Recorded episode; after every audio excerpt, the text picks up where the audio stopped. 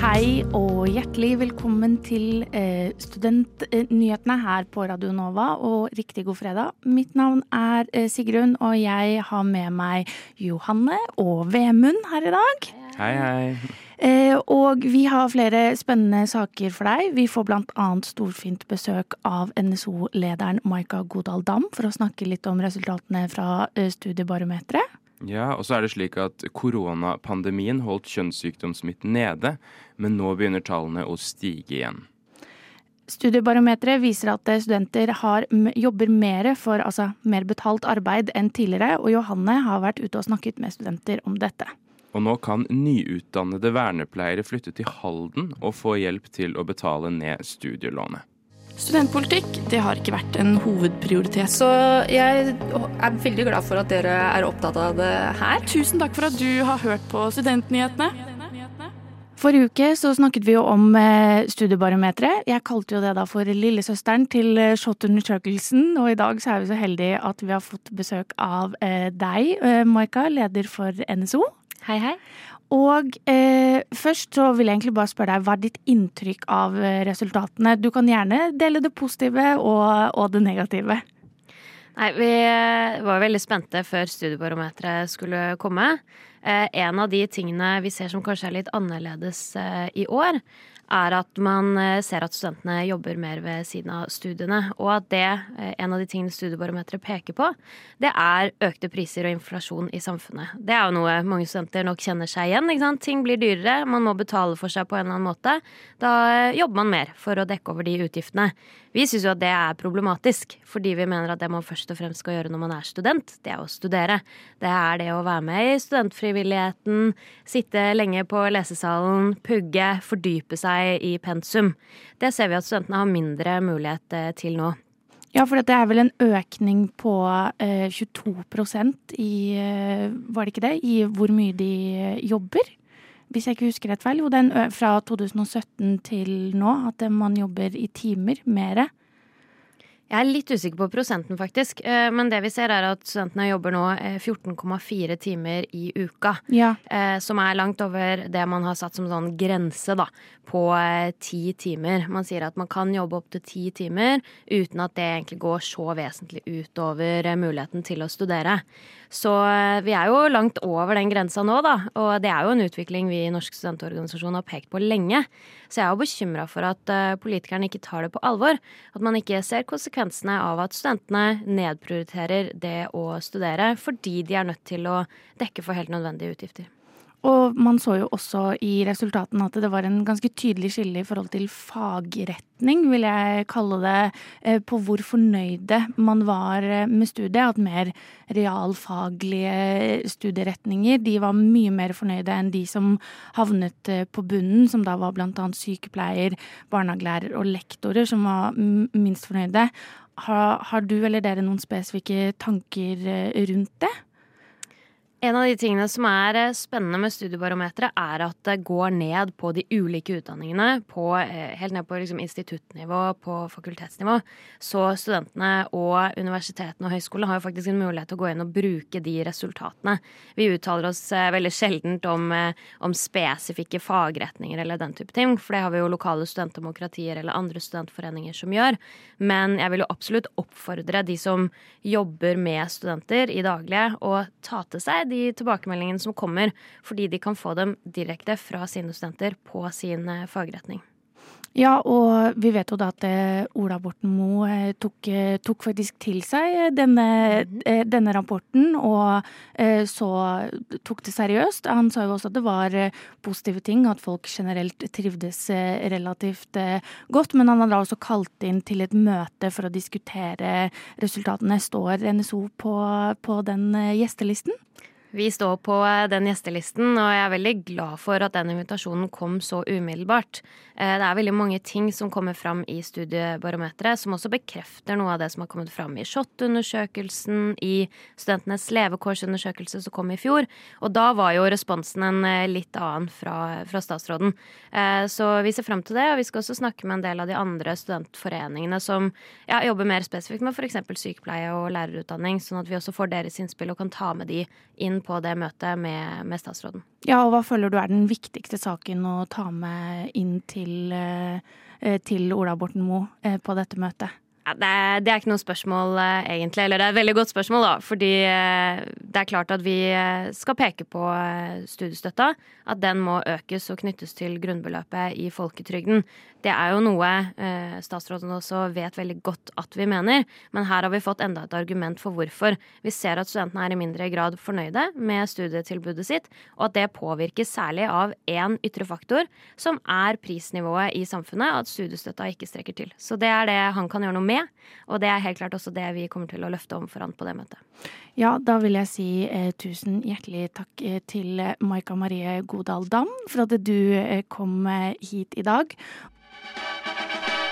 What? Radio Nova.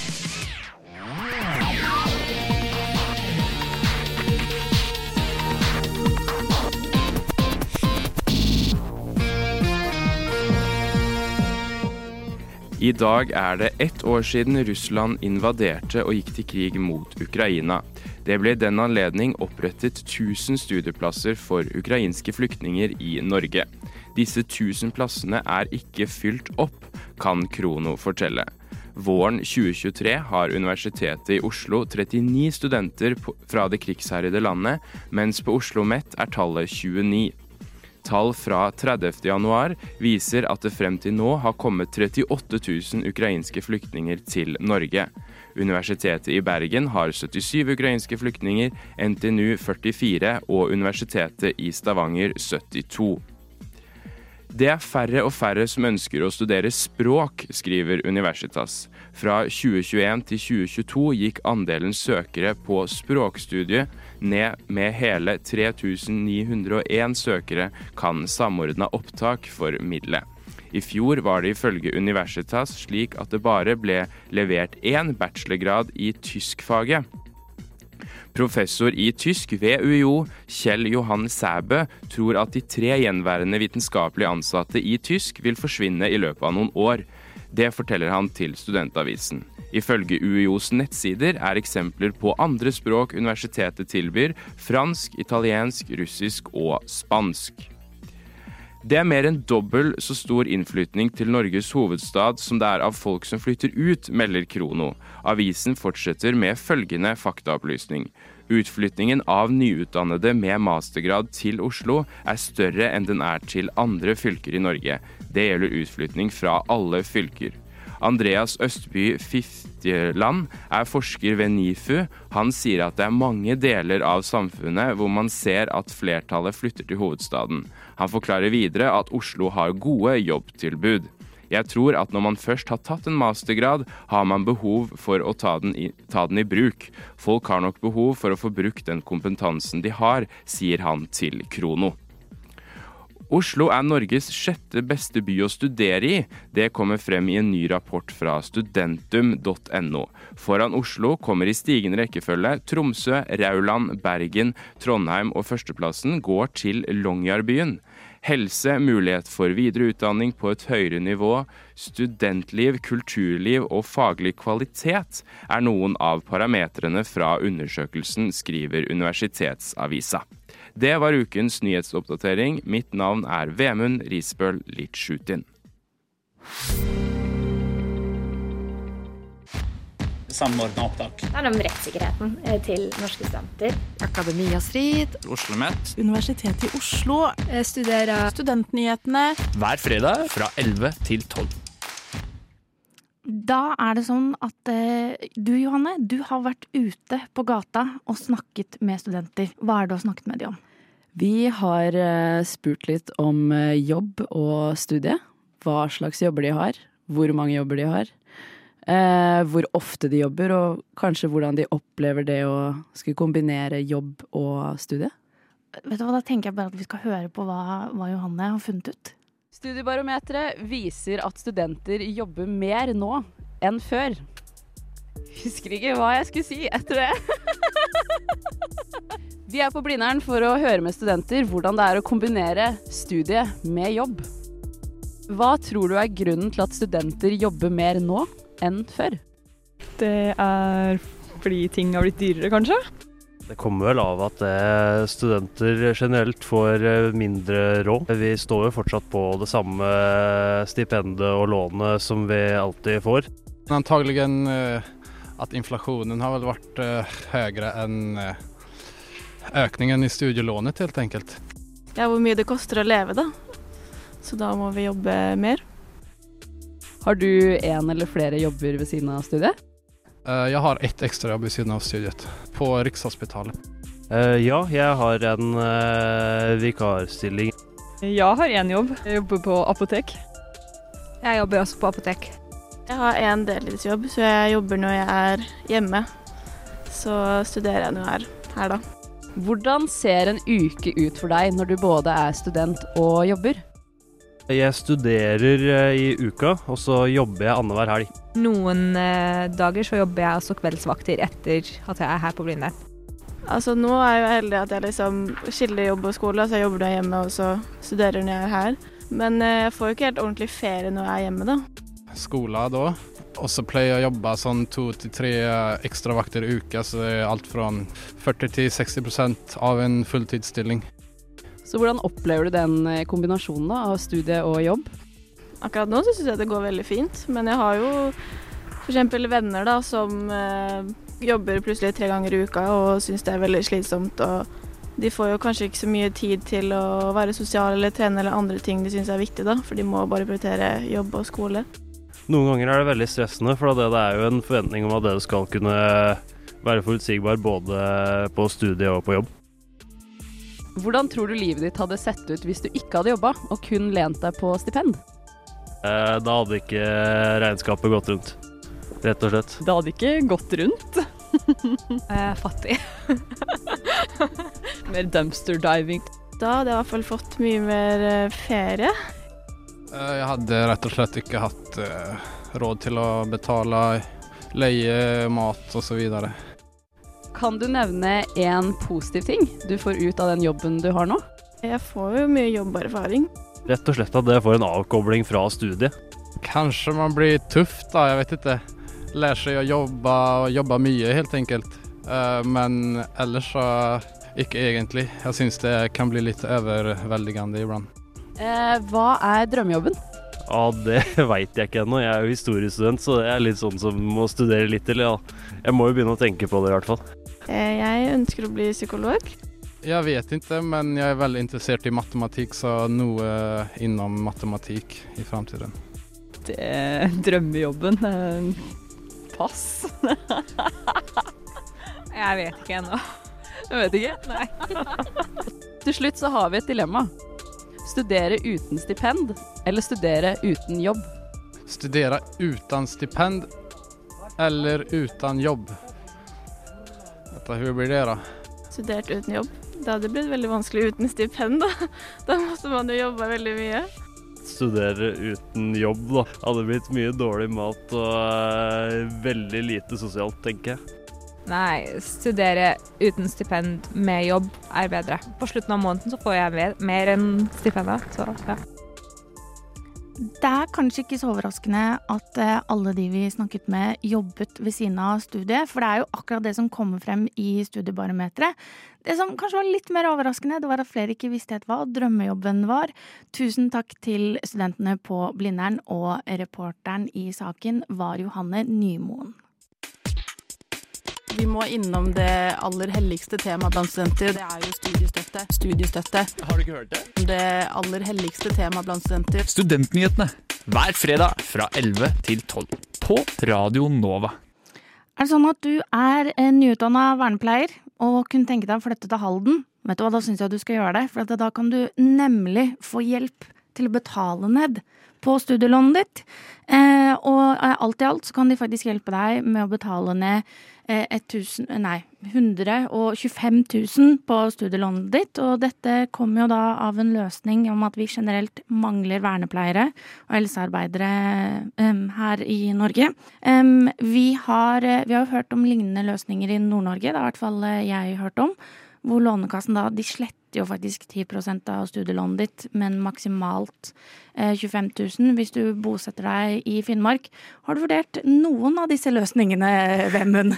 Nei, helt ærlig så har jeg ikke egentlig det. Jeg trives veldig godt eh, i Oslo eh, og vil gjerne bo her. Så jeg tror ikke de, de pengene der tror jeg ikke er nok altså, for å få meg verken til Halden eller til, til Nord-Norge. Nei, og heller ikke du vernepleier, men eh, Nei, nei, du vil ikke flytte til Finnmark for å slette 10% av studielånet? Nei, det blir altfor mørkt og kaldt for min del, altså. Okay. Jeg tror jeg hadde blitt deprimert Ja. eh, av å bo der. Men Hva tenker du generelt om en, eh, om en sånn løsning? Nei, jeg tenker jo at det er jo eh, fint hvis man ønsker å få folk til å flytte til et område hvor det kanskje er litt, litt tynt befolket, og at man ønsker å på en måte skape arbeidsplasser og muligheter da, eh, i disse områdene, eh, så kan det sikkert være fint eh, for de som ønsker det. Eh, og de får jo også da slettet eh, noe av studielånet sitt. Så det er jo vinn-vinn da, for, for alle parter, egentlig. Ja, for det, det, jeg tenkte jeg leste også at eh, Porsgrunn kommune vurderer å gjøre det samme som eh, Halden kommune, og da vil det jo være litt sånn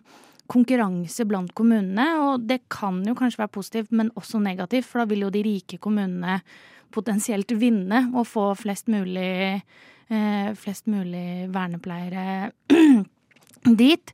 Eh, Men eh, ja, det, det, når jeg leste denne saken i, i Krono, eh, så det var faktisk eh, Fontenene som var de første som skrev om denne saken, så tenkte jeg sånn det kan jo kanskje potensielt styrke litt den stillingen, da. At de er såpass ettertraktede i, i alt sammen. Ja, og litt som jeg snakket om i nyhetsoppdateringen i sted også, eh, så er det jo eh, veldig mange som flytter til Oslo eh, Mm. når de er ferdige å studere, når de har en, en master, masterutdanning.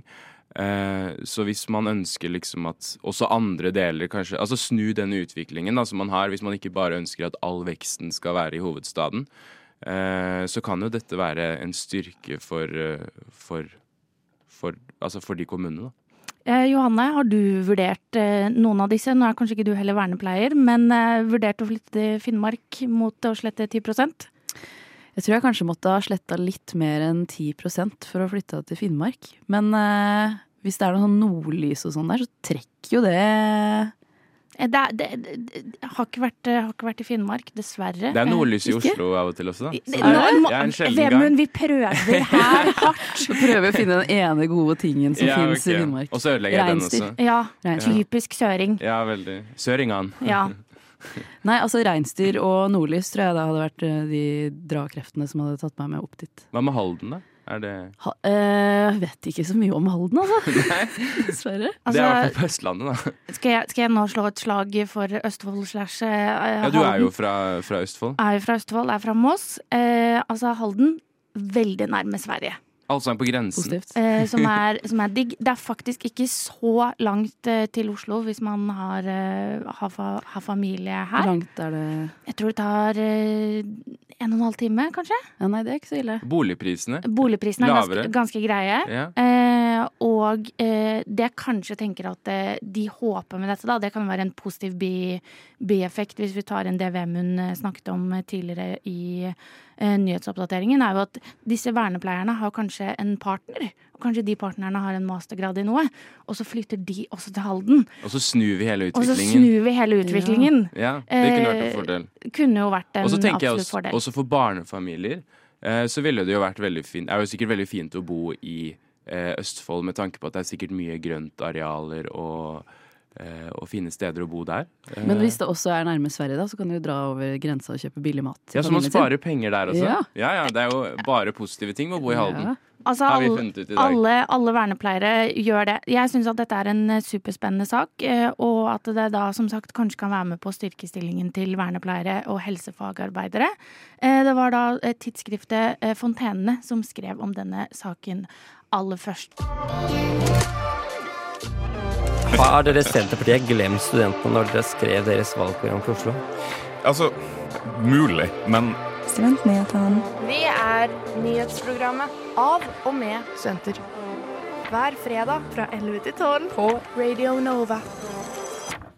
En pandemi går mot slutten, og det som snart kan kalles en epidemi, vokser nå frem igjen. Men denne gangen er det mye mer intimt.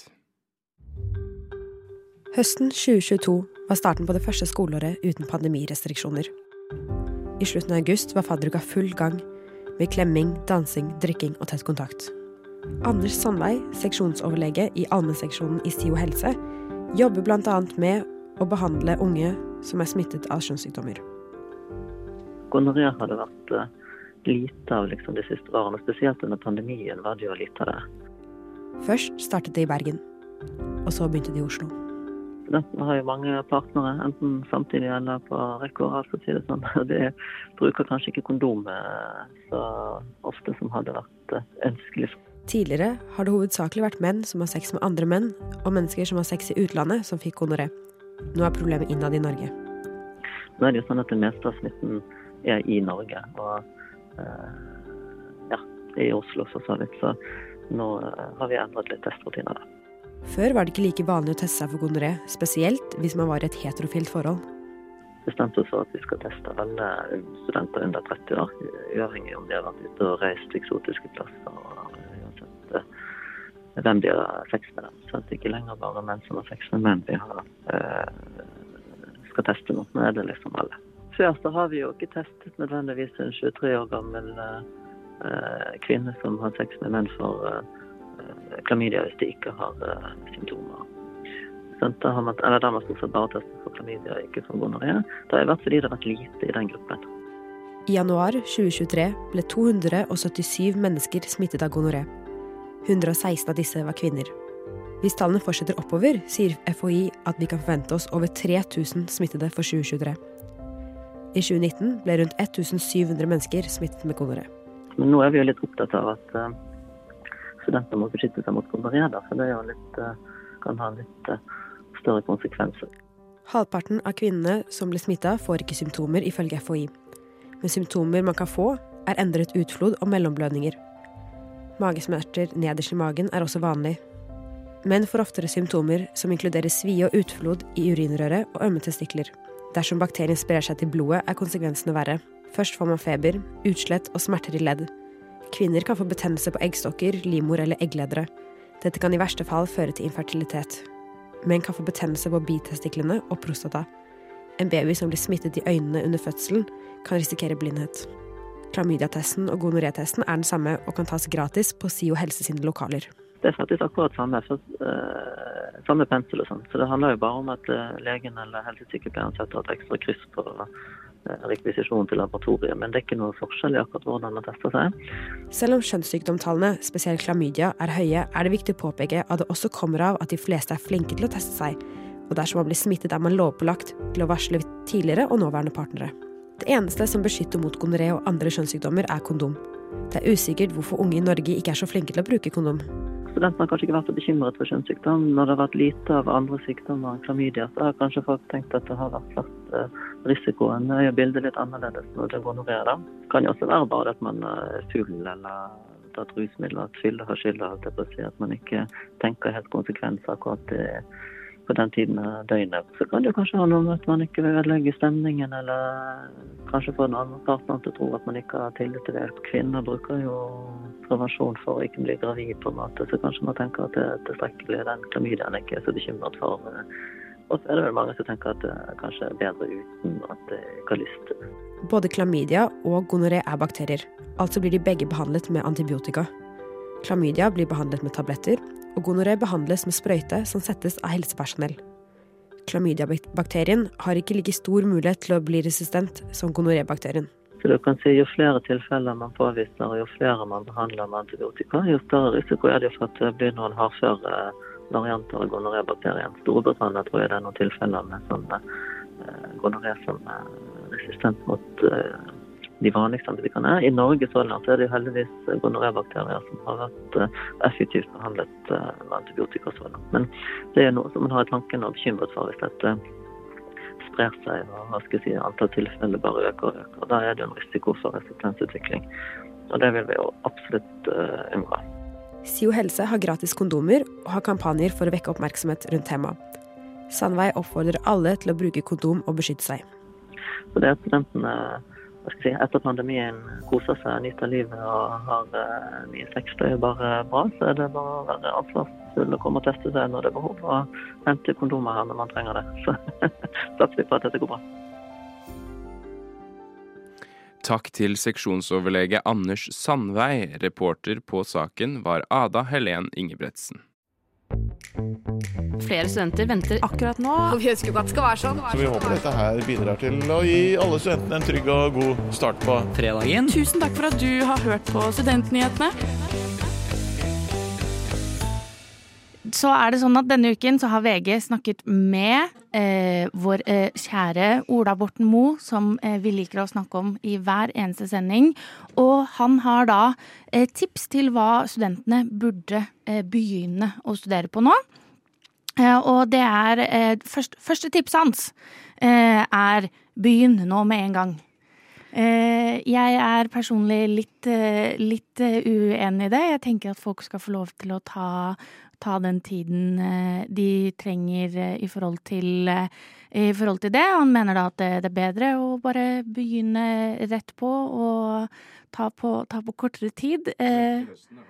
Ja, men også ja, Ikke begynne akkurat i, i dag, I dag. 24. februar, men Nei. å begynne til høsten. fordi dette er jo da relevant, fordi at Samordna opptak har jo da søknadsfrist 15. april tenker at det kanskje noen som skal bytte studie eller er ferdig, eller ja.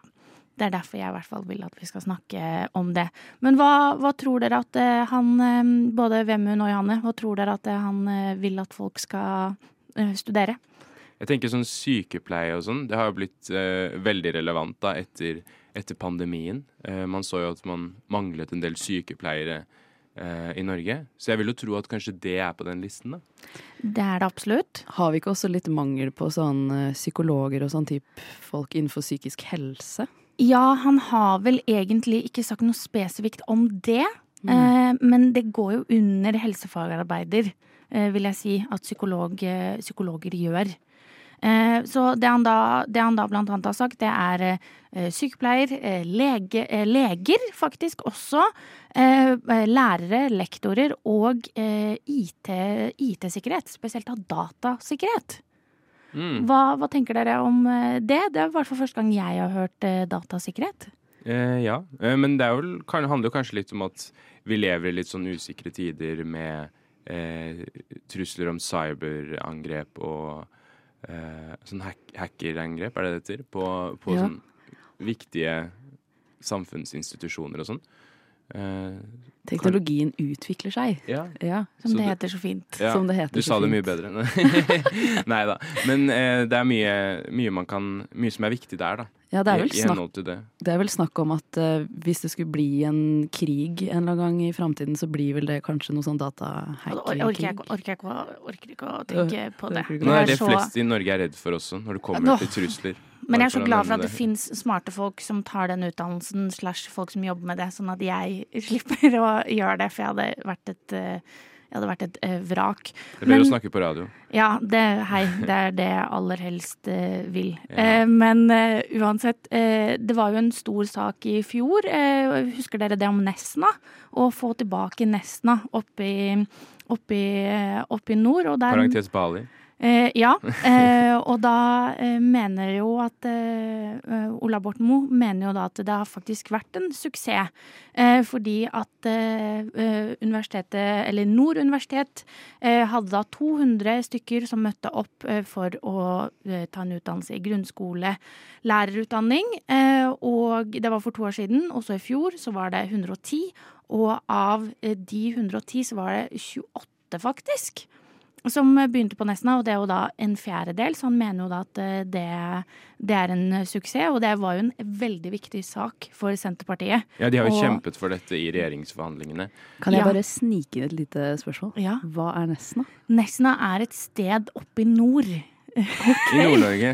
i Nord-Norge, hvor eh, de da hadde eh, eh, utdanningstilbud for eh, grunnskolelærer. Og så, og så ble det lagt ned av Nord universitet, fordi de var ikke nok. Det var ikke eh, altså Det er feil å si økonomisk, for det, det er De hadde ikke nok folk, da. De hadde ikke nok, de hadde Ja. ikke nok studenter, Nei. rett og slett. Og så ble det lagt ned. Og så fikk de også kritikk, for det ble kalt litt sånn surfestudie også. For det var en del av de som dro til Bali eh, på utveksling. Ah. For de tilbyr utveksling til Bali. Eh, så det var på en måte egentlig At folk dro dit for å kunne dra ja, til Bali? Ja, for å kunne Ja. studere på Bali. Og de prøvde veldig mange forskjellige ting, og de prøvde å gi eh, gratis studentbo. Altså det var så mye for å lokke folk til å komme opp dit, men det var ikke så veldig mange som kom. Men nå mener jo Senterpartiet da tydeligvis at, eh, at de har eh, eh, fått det til. Eh, og et annet punkt han også eh, trekker fram, det er energisektoren. Eh, hvor han da han vil at vi skal videreutvikle olje- og gassnæringen på sokkelen vår. Eh, og da mener jo han at Og det er kontroversielt. Da er si det. bu. Og det er da eh, blant annet eh, Simon eh, Balenes i eh, Natur og Ungdom eh, har sagt at eh, nei, ikke oppfordre folk til å søke dit. Eh, det er en kort, eh, kortsiktig løsning og ganske uansvarlig. Og Han tenker da offshore og sånn, da. ja, at han mener jo da at vi trenger flere Ola Borten Moe, sånn jeg skjønner eh, det han har uttalt seg om, at eh, vi trenger flere oljeingeniører og flere folk som kan jobbe Men- på plattformer. Mye av den kunnskapen som man har i oljenæringen, vil jo man også få bruk for f.eks. i havvind, offshore havvind og fornybare næringer i fremtiden. da. Så det kan jo være at det er noe der. på en måte. Ja, men han oppfordrer spesifikt til liksom eh, det som har med olje og gass å gjøre, ikke mer sånn å kunne være ingeniør eh, på den måten, men mer sånn spesifikt ingeniør, eh, ingeniørretning på det. Så det er jo da blant annet Naturungdom eh, ganske kritisk til. Han snakker også om da eh, fornybar energi, eh, og jeg tror jo at det, de aller fleste eh, at de aller fleste som har lyst til å jobbe innenfor det, eh, innenfor energisektoren, da, uavhengig om det er olje og gass eller hva det er, kommer til å velge mer fornybar. For at man kan se at det Mm. eh, er en, eh, er en eh, mulighet. Eh, men Ola Borten Moe er jo kjent for å være glad i olje ja, han har jo vært eh, olje- og energiminister eh, før, ja. eh, så, så, han, eh, så han, eh, han kan jo eh, lite grann om eh, dette. Vi må innom det aller helligste temaet blant studenter. Det er jo studiestøtte. Studiestøtte. Har du ikke hørt det? Det aller helligste temaet blant studenter. Studentnyhetene hver fredag fra 11 til 12 på Radio Nova. Alt godt må dessverre ende. Det gjelder også oss her i eh, Studentnyhetene. Det er med tungt hjerte at jeg forteller at vi nå eh, Nå står det så fint på skjermen min, nå skal jeg snakke litt i kortene. står avrunding. Og, eh, Det er trist. Det er trist. Det er alltid trist å si, si ha det. Eh, jeg, jeg lurer litt sånn hva, hva skal folk i helgen? Jeg er jo så heldig at jeg har tre fantastiske mennesker, så jeg vet ikke helt hvilken side jeg skal begynne på. Skal jeg begynne i midten? Hvor skal jeg begynne? Selma, har du lyst til å fortelle hva du skal i helgen? Jeg har alltid lyst til å fortelle det. Det er det beste jeg vet i hele verden. Eh, Og jeg sier jo det samme hver eneste gang. I Ingen er overrasket. Ingen er overrasket. Jeg skal på jobb i morgen. Skal Wow. selge litt ost. Ja. Ja. I dag skal jeg henge med en venninne. Og så kommer faktisk mamma og pappa i morgen. Det er heller ikke første gang jeg sier det. De er her jo eh, ca. annethvert sekund. Men det er koselig, da. Er Kommer koselig. Fanny også, hunden? Fanny kommer, og de skal være her en uke. Oi. Oi. Fanny er ikke så Inne i ja, leilighet. Det er viktig. Nei. Viktig å poengtere her at eh, Fanny er ikke søsteren til Selma. Hvor gammel er hunden din? Og hun begynner, jeg tror hun er ti? Ni? Og jeg har lært at forstere blir visst ikke så gamle, så jeg tenker titt og ofte på at jeg må Ja, det kan du ikke tenke på. tiden. Det kan du ikke Du tenke får kose masse med Fanny den neste det. uken. Jeg skal det. Jeg Hils Og fra meg. foreldrene dine, selvfølgelig. Ja, jeg Nei. koser ikke så mye med dem. Jeg koser Klem. Ja, en klem. Ha det klem og hei klem. Nei, Vi er ikke så klemmete familie. Ah, Er det litt sånn distansert? Nei, vi er veldig close, Ja. men ikke fysisk. Ja, okay. Driver vi og psykoanalyserer da? Det gjør jeg i hvert fall nå. Veldig personlig her. Ja. Ja. La oss gå videre, da. Vemund. Jeg har veldig lite planer i helgen, egentlig. Oi. Eh, kanskje studere litt. Eh, veldig kjedelig. Jeg henger, henger litt etter. Eh, eller så må jeg finne Flink. på et eller annet gøy, da. Ja. Har dere noe forslag til hva man kan gjøre i helgen? Stå på Dra ut, kanskje? Trene. Har du vært på Munch-museet? Nei, faktisk ikke. Har du vært på Nasjonalmuseet? Ja, der har jeg vært. Det er. Anbefaler å gå på Munch-museet, men min eh, generelle anbefaling eh, for å gå på Munch-museet Du må spise før du går dit. Fordi Ja. du kommer til å få vondt i hodet. Fordi det er, Vondt i hodet? Ja, for det er kjempedårlig luft der. Og er det det? På grunn av maleriene så er det oh, ja. veldig dårlig luft. Dagens Det tips. ikke. Eh, jo, å gud, jeg fikk så vondt i hodet. Eh, som når jeg har sagt til folk, gå på Munch-museet, det er verdt det. Spis, eh, spis hvor, først. hvor stort er det? Hvor lang tid tar det liksom å gå rundt? Det tar relativt lang tid. Ja, okay. Men det er jo rulletrapper, da. Det er veldig nice. Nasjonalmuseet er i hvert fall gigantisk. Ja. Man får ikke gått gjennom alt på Nei, men det er litt, min, det er litt, uh, litt mindre. Men Munch-museet, eh, absolutt, uh, absolutt en anbefaling fra meg. jeg En eh, annen anbefaling. Yeah. Dra på sånn derre badstue. Ja, det var i går, faktisk. Nei, var du det? Ja, veldig. På Salt. Skjær, det var den Ja. jeg skulle foreslå. Ja, den er veldig fin, da. Veldig... Hva, hadde du sånn rituale? For de hadde sånn rituale den Nei, gangen jeg var der. man må skrive seg på sånn liste, og det, Det- hadde jeg ikke gjort. Det var det sykeste jeg har vært med på. Ja. Nei, det var sånn der, Du satte deg inn i badstue, ritualet varte bare ti minutter. Men jeg og venninnene mine klarte ikke å fullføre. For at de bare skru, de skrur opp varmen. Nei, Helt ekstremt. Ja, men de heller sånn is på Ja. Og så har de sånn håndkle som de tar i varmt vann eller noe, så pisker de Nei, Det er sånn finsk greie, tror jeg. Det er Ja. inspirert av det. Det er ikke badstue ille nok? Ja, men jeg liker sånn- aller best sånn infrarød badstue, jeg. Hva er det? hørtes ikke sunt går Jeg liker aller best sånn infrarød badstue. Det er sånn fancy, det er sånn fancy badstue som ikke er sånn veldig fuktig. Det er, det er egentlig en, det er egentlig en mikro... Fuktig som svett. Men går Ja. du mye i sauna? Nei, Nei. men det er, en, det er egentlig Det er ikke nok infrarød badstuer. Det er mikrobølgeovn. Det Det er en mikrobølgeovn. Det hørtes helt Det jævlig ut. Det er helt fantastisk. Det er helt, helt Er det, det du er det det du skal i helgen, Sigrun? Eh, nei. Infrarød badstue. Eh, Rett ut av studio. da- Gi meg infrarød badstue fram til eh, søndag. Da må jeg dra opp til. Beito. For det er der Ja tante og onkel er. Men det orker jeg ikke. Nei. Johanne, hva skal du? Skal du, skal du gå og piskes på salt? Nei, jeg får besøk av pappa, så jeg tenker at det er litt dårlig å bli piska akkurat denne helga her i så fall. Ja. Hvor ofte ser du faren din? Eh, oi! jeg, ser, han kanskje åh, Når er det? Sist gang var jo jula, da. Ja. Så det blir veldig koselig. Så skal vi dra på Nasjonalmuseet og finne en fin restaurant. Så hvis dere har tips til eh, restaurant, så tar jeg gjerne det imot det. Hva slags mat Um, liker du best? tapas, kanskje. Eller, eller, eller asiatisk, kanskje. Jeg, jeg er ikke så god på tips og triks. Jeg pleier å spørre andre. Godt spørsmål. Koi, Koi, ramen er digg. Ja, Koi Men det er på en ramen måte er ikke en digg. restaurant. Det er mer Jeg var med lunsjsted. Asia på Aker Brygge. Har ikke vært. Der er det veldig god mat. Ja, Nå ble Ja, dette anbefales. veldig Oslo. Nå føler jeg at vi må skamme oss. Hva skal du i helgen, Sigrun? Eh, jeg skal vel sikkert være med noen venner, da. Jeg pleier ikke å Hva gjør du med venner? Eh, vi pleier jo å se på TV, da. Eller å, å, å, å preke, som jeg Hva- liker å se. Maskorama. Hva ser du på? Er- Går det nå? Nei, Maskorama går ikke nå. Hver gang vi møtes? Nei. Eh, nei, vi, vi, forrige uke så så vi på The Voice, eh, for det, det er en stor favoritt eh, blant noen av vennene mine. Ellers så tror jeg faktisk jeg skal sove, og så burde jeg sikkert lese litt.